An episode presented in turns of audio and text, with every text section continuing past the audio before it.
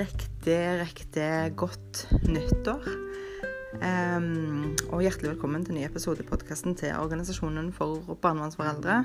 Jeg håper at de aller fleste av dere har kommet julen eh, greit igjennom for eh, denne gang. Um, og kan eh, trygt si at det er godt til en stund til neste gang. Eh, kveldens episode er framført av Juliana Weber, eh, styremedlem i organisasjonen, handler i dag om eh, tankefeller. Lytt gjerne til den, og kom med innspill og betraktninger på medlemssiden vår eller på veggen til organisasjonen på Facebook. Lykke til med lyttingen.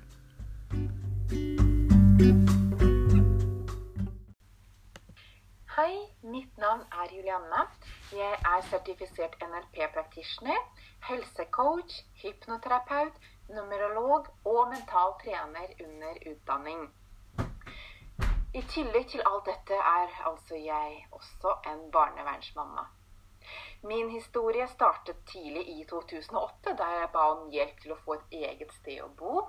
Da jeg som 22 år gammel alenemor, eller kommende alenemor, syntes det var veldig vanskelig å fortsette å bo hjemme.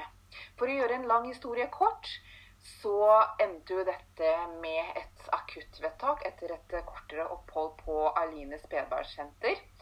Og en prosess med å tilbakeføre min datter til hennes far begynte. Hun flyttet til sin far i Trondheim i 2009, og med dette ble saken avsluttet. Selv om hennes eh, far var ett år yngre enn meg, altså 21 år på det tidspunktet hun ble flyttet, så følte jeg at det var en trygg og god avgjørelse fremfor å la henne, å la henne risikere å, å, havne hos vilt fremmede. For vi har en veldig sterk familiekultur, i, både i min kultur eh, og også i min omgangskrets, og vi verdsetter familien veldig høyt. Og familien er først, og det går foran alt annet i verden. Hvis du har lyst til å høre mer om min historie, så har jeg en video liggende på YouTube som har ligget der i 11 år og har eh, blitt sett over 20 000 ganger. Så det er bare å spørre meg om den dersom du er interessert. Men det jeg ønsker å snakke med deg om i dag, er nemlig tankefeller. Jeg ble selv veldig tidlig oppmerksom på mine egne tanker og hva de gjorde med meg. En enkel tanke kunne få meg til å føle meg totalt mislykket som menneske, mens en annen tanke kunne gi meg lysten til å bevise det motsatte at jeg kan. For vi har ca. 90 000 tanker per dag. Og det er ikke rent lite. Ikke rart man snakker om tankekjør. Men det som er enda mer skremmende enn det, er at opptil 85 av disse tankene er negative. Tenk hva dette her faktisk gjør med deg. 85% av de 90 000 tankene du har i løpet av en dag, er negative. Og ikke nok med det. Veldig mange av disse tankene går igjen og igjen på repeat dag etter dag etter dag da er det nemlig ikke rart at du begynner å føle deg ganske, min, ganske mye nedfor etter hvert som disse tankene får lov til å ha fritt spillerom.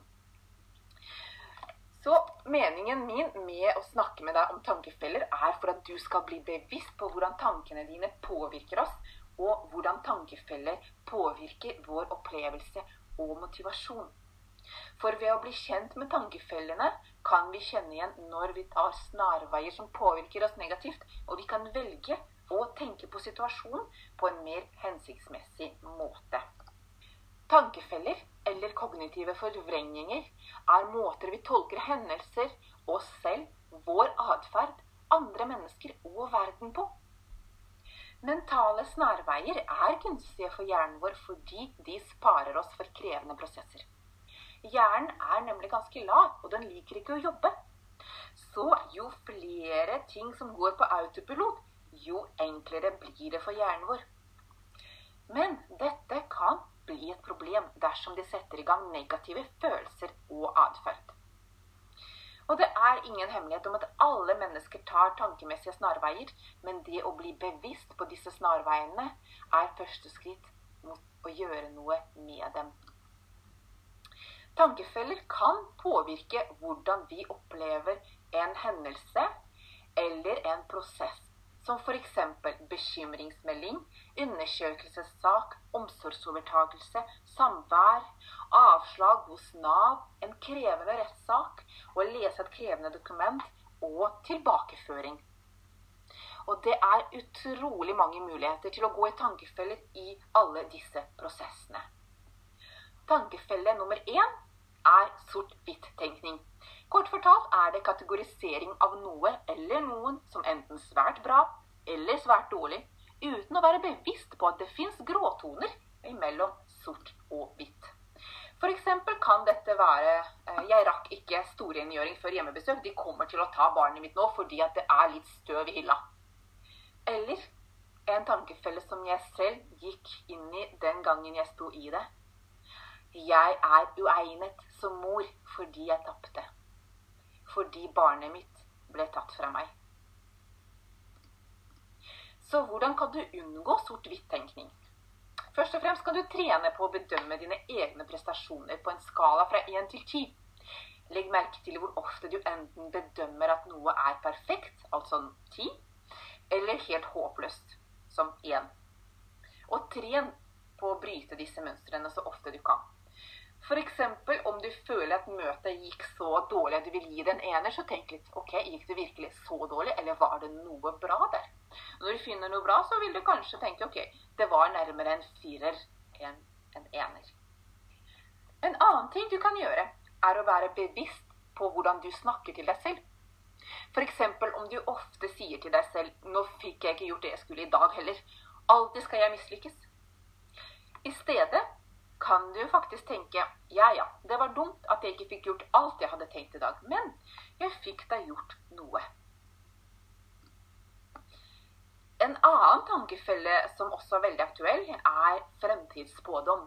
Det er rett og slett en overbevisning om at ting ikke vil gå bra, og der man ikke vurderer forskjellige mulige fremtidsbilder, som ofte kan være mer sannsynlige. F.eks. kan det være at du tenker 'jeg bare vet at jeg ikke kommer til å få orden på økonomien min'. Eller 'jeg er sikker på at jeg aldri kommer til å få barnet mitt tilbake'. Når disse tankene melder seg, så kan du først og fremst avbryte dem ved å si til deg selv 'avbryt', for så å utfordre tanken ved å stille følgende spørsmål. Hvordan kan jeg være sikker på dette? Er det sant? Og har jeg noen bevis for at dette kommer til å skje? Og da skal du mest sannsynlig komme frem til en konklusjon at denne tanken er svært overdreven. Og da er vi inne på neste tankefelle, som handler om katastrofetenkning. Det betyr rett og slett en foretanelse om at ting vil gå galt, og du føler deg overbevist om at dine antakelser er et faktum. F.eks. kan det hende du tenker hvis jeg kommer for sent i dag, så mister jeg sikkert jobben. Eller hvis ikke jeg rekker å levere i barnehagen i tide, så får vi sikkert bekymringsmelding. For å ta knekken på katastrofetankene kan du rett og slett bruke dine egne tidligere erfaringer. Du kan trene på å vurdere alvorlighetsgraden i det som allerede har skjedd. F.eks. om du glemte et foreldremøte en gang. Hvor ille var det egentlig på et skala fra 1 til 10? Og hva var det egentlig som skjedde som en konsekvens av at du glemte dette foreldremøtet? Mest sannsynlig så skjedde det faktisk ingenting.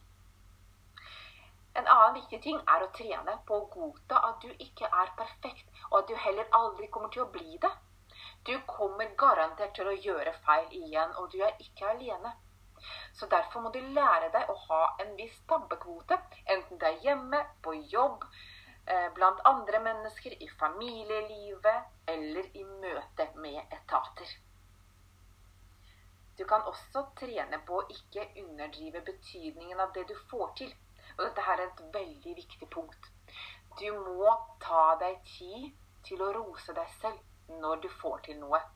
Skriv gjerne ned alt det gode du har fått til, alle de gode tilbakemeldingene du har fått. Og så skal du se at de er mange, mange flere enn de tabbene du har hatt i livet ditt. Det er jeg helt sikker på.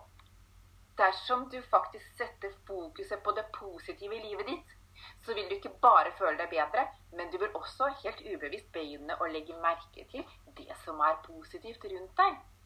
Dersom du har et negativt fokus og et negativt mentalt filter, så vil du legge merke til mer og mer av det negative og går inn i et veldig uheldig mønster. Og nå er vi inne på tankefelle nummer fire, som nettopp handler om negativt mentalt filter. Har du lagt merke til at om du legger ut noe på Facebook f.eks., og får masse kommentarer, og så får du så mange fine kommentarer 'Å, så fin du er på det bildet'. 'Å, det her var et kjempefint bilde av deg', og 'så vakker du er', og bla, bla, bla. Og så plutselig kommer det en kommentar. 'Den hårfargen kler deg ikke'. Og så kommer det flere kommentarer. Og du har så pent smil og vakker og, og sånn. Og så hva er det som du egentlig blir sittende igjen med? Jo, du sitter igjen med denne kommentaren om at hårfargen ikke kler deg. Og så går du kanskje og kjøper deg en hårfarge fordi at den ene kommentaren har hatt så stor påvirkning på deg. Så negativt mentalt filter innebærer rett og slett at du finner én negativ detalj, du dveler ved det negative og ignorerer det positive.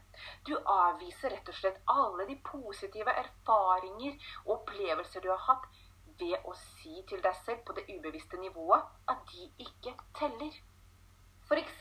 kan jo dette dreie seg om å diskvalifisere det positive. Dersom det skjer noe bra, eh, du får et godt utfall av et møte eller en samtale, du sitter igjen med en positiv følelse, så tenker du automatisk 'Jeg må ha hatt en god dag'. Eller 'Jeg var heldig'. Bare vent til neste gang, så skal du få se at jeg mislykkes. Og dette her er jo helt ubevisste prosesser som du ikke er klar over, men som har stor innvirkning på deg. Se for deg at du sitter i et møte og er ganske så nervøs. Det er et vanskelig møte. Det er tøft å sitte der. Plutselig klarer du ved et uhell å velte kaffekoppen din og søler kaffe utover papirene dine. Å nei, tenker du sikkert. Nå kommer de garantert til å skrive det ned i rapporten sin at jeg har vært så klumsete og sølte kaffen. Men det du faktisk glemmer oppi det hele, er at i løpet av dette møtet har du fått sagt alt det du skulle si. Du føler deg hørt, og møtet har faktisk ført frem til noe veldig positivt for alle parter. Derfor er det svært viktig å fokusere på det positive. Du kan allerede i dag begynne å se etter alt det positive i det du gjør. I hverdagen din, livet ditt, fremtiden din og menneskene rundt deg. Hva var det med din innsats som gjorde at det fungerte så bra? Hvordan har du bidratt til at møtet fikk et positivt utfall? Hva har du gjort for å få mer samvær? Legg også merke til hvordan du forholder deg til ros. Og legg merke til om dette er noe du lar være å tro på, eller om dette er noe du rett og slett ignorerer. Svært få av oss er flinke til å ta imot ros. Og svært mange avviser rosen de får, eller prøver å bortforklare. For du trenger nemlig ikke svare når du får ros. Du trenger bare å ta imot. Tren på å godta at andre setter pris på deg, og legg merke til hva det gjør med deg rent følelsesmessig. Du kan også legge merke til hvordan du tenker omkring de ulike hendelsene i hverdagen din, og sjekk gjerne med andre om de er enige med deg når du velger å kun se det negative. For Kanskje hjelper det å skifte perspektiv, eller å sette hendelsen i et større perspektiv. Og sist, men ikke minst, hver gang du opplever motgang, stopp opp og legg merke til hvordan du tenker. Er det mulig å stoppe de negative tankene? Og å vurdere om det faktisk er så ille som du tror? Kanskje tenker du at 'jeg føler det slik', derfor må det være sant. Og dermed antar du at dine negative følelser gjenspeiler ting slik de egentlig er. Og dermed har du gått inn i tankefelle nummer fem, som er følelsesmessig resonnering. F.eks. føler du deg engstelig og tror automatisk at andre ser at du er engstelig. Og dermed tror du også at de vil ta deg på det at du er engstelig. Det kan også være f.eks. at du tror at eh, en viss person er imot deg, eller prøver å motarbeide deg. Og dermed så ser du også bekreftelser på denne troen om at andre prøver å motarbeide deg. Det kan faktisk også manifestere seg på den måten at du legger merke til alle tegn og signaler på at denne personen faktisk prøver å ødelegge for deg. Når vi holder på med følelsesmessig resonnering, så vil vårt ytre bilde tilpasse seg vårt indre bilde. Og dermed vil vi kunne se og oppleve alt det som skjer rundt oss, i lyset av det vi tror skjer rundt oss. Men Heldigvis er det fullt mulig å bryte ut av dette mønsteret. Først og fremst må du slutte å bruke følelser som bevis. Følelser er bare følelser, ikke sannheter. Du kan gjerne lage deg et eksperiment der du tester ut hvor sant det du føler, er. Du vil sannsynligvis bli skuffet over hvor ofte dine følelser samsvarer dårlig med virkeligheten. Kanskje har du til og med satt et stempel på deg selv eller en annen person. Stempling, som er tankefelle nummer seks, betyr å identifisere seg selv eller andre med ett eller flere feiltrinn. I stedet for å si at 'jeg gjorde en feil', setter du kanskje et stempel på deg selv og sier til deg selv 'jeg er dum'. Dette er jo fullstendig irrasjonelt. Du er jo ikke det samme som en feil du gjør. Du trenger jo ikke være dum bare pga. at du har gjort en feil. Og har du gått i denne fellen, så har du kanskje sagt til deg selv ting som 'Jeg er en taper', 'Jeg er en dårlig far eller mor', 'Det er noe galt med meg', 'Jeg er psykisk syk'. Tenk gjennom hvilke stempler du har satt på deg selv. Og tren deg på å tenke gjennom hvilke bevis og motbevis det fins for at ditt stempel er riktig. Og du kan gjerne bruke mange morsomme metoder for å kvitte deg med stemplene. Er du veldig bundet av et stempel, f.eks., kan du skrive det ned og lage et skilt som du tar på deg. Da vil du kunne se med all tydelighet hvor tragikomisk dette stempelet faktisk er. Tenk deg å gå med en sånn stempel i panna. 'Jeg er dum', og så ser du deg selv i speilet. Du kommer bare til å le.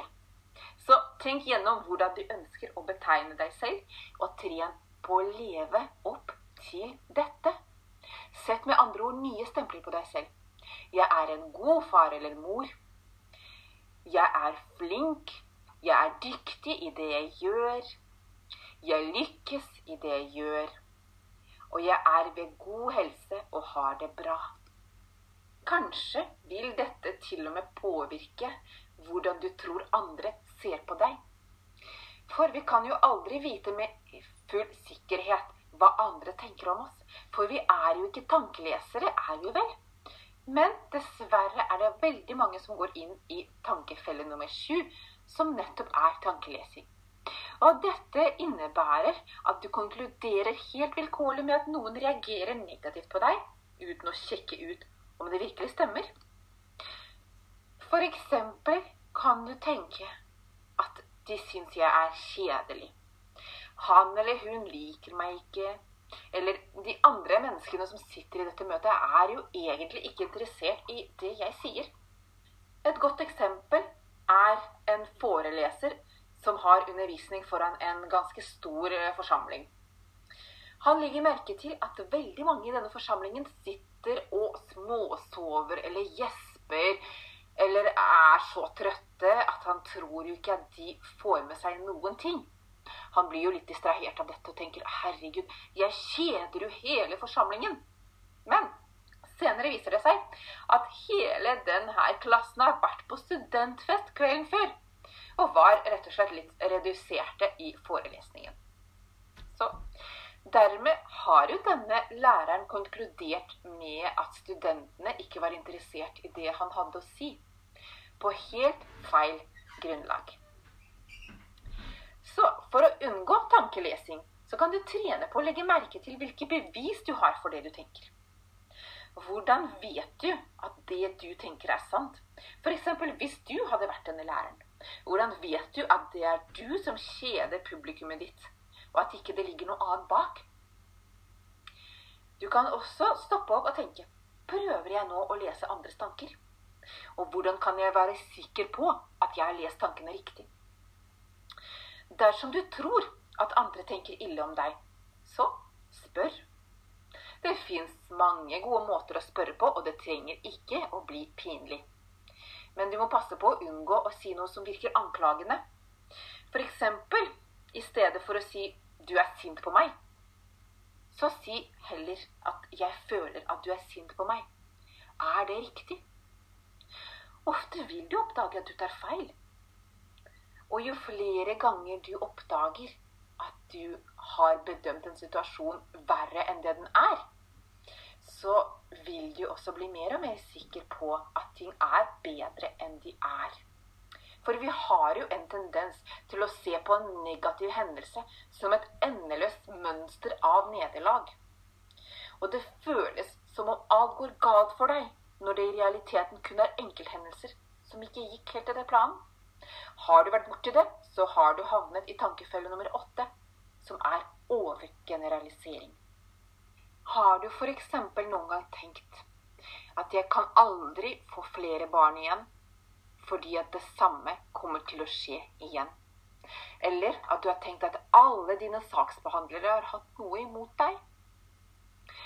Eller kanskje har du tenkt tanker som typisk meg, at jeg skal rote det til så innmari? Eller at dette går aldri bra? Dersom du har gjort det, så kan du allerede nå begynne å trene på å bytte ut ord som alltid, alt, alle og aldri med mindre generaliserende ord som f.eks. denne gangen, nå, noen, av og til. F.eks.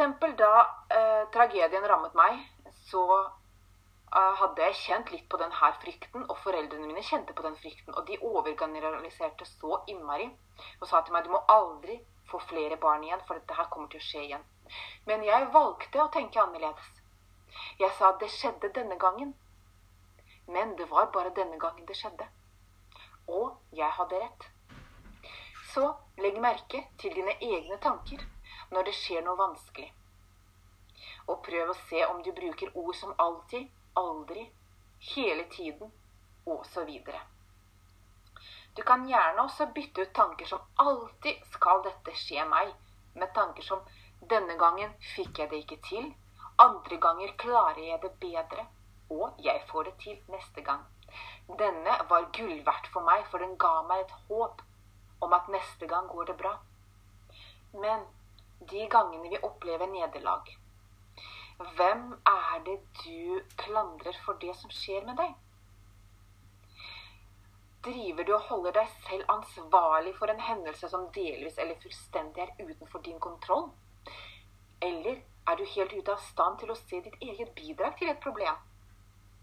Nå er vi inne på tankefelle nummer ni, som handler om nettopp dette med personliggjøring og bebreiding. Etter det som skjedde med meg i 2008, hadde jeg en tendens til å ta på meg skylda for alt og alle. Til og med ting som jeg ikke hadde noen ting med. Til og med hendelser hvor jeg ikke var involvert, og hvor jeg ikke var til stede. Likevel fant jeg alltid en måte å personliggjøre hendelsen på. Jeg tok på meg skylda i hytt og pine for alt som skjedde, nesten så det gikk så langt at jeg tok på meg skylda for alle krigene som er i verden. Men når jeg selv hadde gjort en feil, så bebreidet jeg alt og alle for det som skjedde. For å unngå personliggjøring og bebreiding kan du tenke igjennom hvordan du forklarer det som går bra, og det som ikke går så bra som du skulle ønske. Hvilke overbevisninger har du om deg selv, om dine egne problemer, eller for den saks skyld om andre og deres problemer? Tren på å ikke ta mer ansvar enn det som det er grunnlag for, og tren på å ikke gi andre mer ansvar enn det som er grunnlag for. Sist, men ikke minst, kan det også være lurt å gi slipp på kontrollen. Mange av oss går inn i tankefelle nummer ti, som heter må, skal og burde tanker. Dette er svært rigide og strenge personlige regler for egen eller andres oppførsel og væremåte. Etter det som skjedde med meg i 2008, så gikk jeg gradvis ubevisst og helt ubemerket inn i en svært rigid og strengt regime. Jeg begynte å kutte mer og mer ned på maten. Jeg spiste stadig mindre og trente stadig mer. Til slutt trente jeg seks dager i uka, etter hvert syv, og jeg spiste så lite som et lite måltid om dagen. Og det stopper ikke der. Jeg så ikke mitt eget problem. Og jeg begynte å projisere problemet mitt over på min tidligere samboer. Så hver gang han tok seg en hamburger, så kjefta jeg på han. Hver gang han ville kjøpe eh, pose potetmos og ikke lage det fra bunnen av, så kjeftet jeg på han. Jeg lagde med andre ord strenge regler for meg selv og for han. Og dette er et veldig uheldig mønster å gå inn i. Eh, og dersom du opplever at du har gått inn i et sånt mønster, så er det veldig viktig å gi slipp på denne kontrollen. For veldig mange av oss pålegger oss mange krav, som at jeg må, jeg skal og jeg burde. Særlig etter å ha opplevd en vond og traumatisk hendelse, så føler man at man ikke klarer å leve opp til sine egne høye standarder. Du føler deg mislykket, og du føler deg ofte såret eller skyldig, at du ikke strekker til. Du begynner å tenke tanker som at 'jeg må alltid være perfekt'. Jeg må være i stand til å si de rette tingene. Jeg må ha kontroll hele tiden. Kanskje begynner det litt sånn i det små, som f.eks.: Ja, det er så fint vær i dag. Og da bør jeg jo egentlig stikke til fjells. Men da kan du spørre deg selv må du egentlig det? Og da kan det jo hende du svarer ja, jeg må jo det, det er jo fint vær. Men det er fullt mulig å unngå disse tankene. Tren på å stille motspørsmålet til alle disse burde, skulle, må-tankene. Hvorfor det? Dersom du ikke klarer å komme opp med et fornuftig svar, kan du trygt legge bort en del av dine burde-tanker. Gå til fjell som du har lyst, ikke bare fordi det er fint vær, og fordi du føler at du må. Tren på å gjenkjenne hvilke krav du stiller til deg selv, og ta stilling til om du er enig med disse kravene eller ikke. Helt til slutt vil jeg gjerne spørre deg Hva er dine Favorittankefeller, dvs. Si hvilke tankefeller har du gått inn i flest ganger?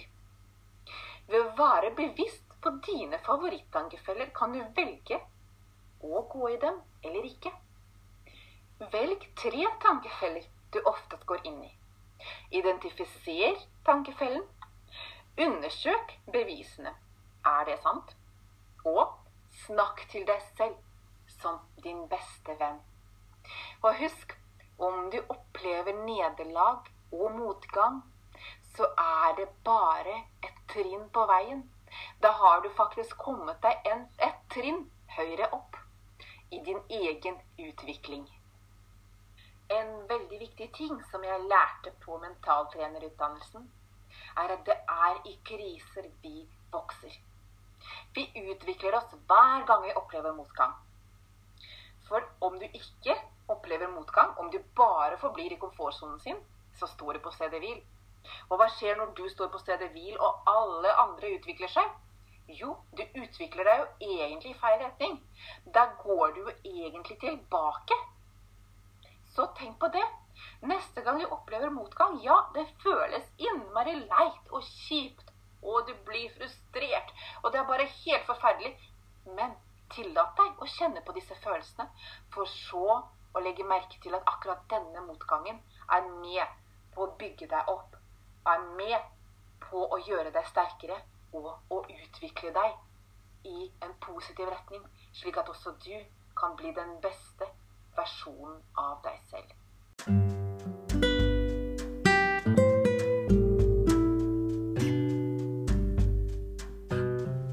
Og med dette vil jeg si tusen takk for meg og masse lykke til videre, uansett hvilke prosesser du står i. Og uansett hvordan det går, så er det med på å gjøre deg sterkere. Vi snakkes. Ha det bra.